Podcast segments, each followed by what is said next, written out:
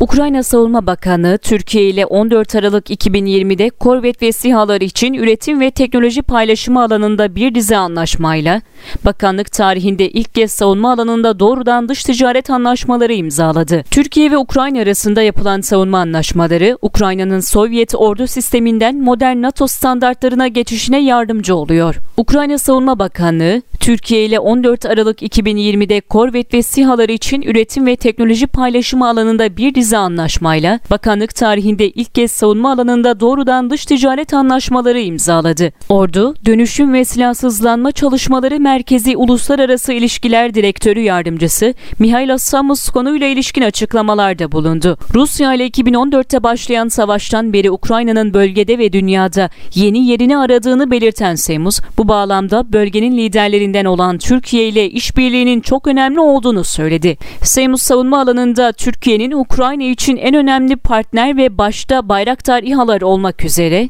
Ukrayna'nın ihtiyaç duyduğu alanlarda Türkiye'nin savunma sanayisinin gelişmiş olduğuna işaret etti. Türkiye ile savunma alanında büyük ölçekte işbirliğinin askeri iletişim alanında Aselsan'la yapıldığını ve bunun bir dönüm noktası olduğunu vurgulayan Semus, Ukrayna bir an önce NATO üyesi olmak istiyor. Bundan dolayı ordunun post Sovyet sisteminden NATO standartlarında modern bir sisteme geçişinde Türkiye ile işbirliği çok önemli dedi. Semus, ABD, Çekya, Polonya, Romanya ve Baltık ülkeleri hariç ülkelerin ilkeleri gereği Ukrayna ile işbirliğine ve teknoloji transferine yanaşmadığının altını çizerek Türkiye bu açıdan ayrışıyor ve karşılıklı faydaya dayanan açık bir işbirliğimiz var ifadesini kullandı.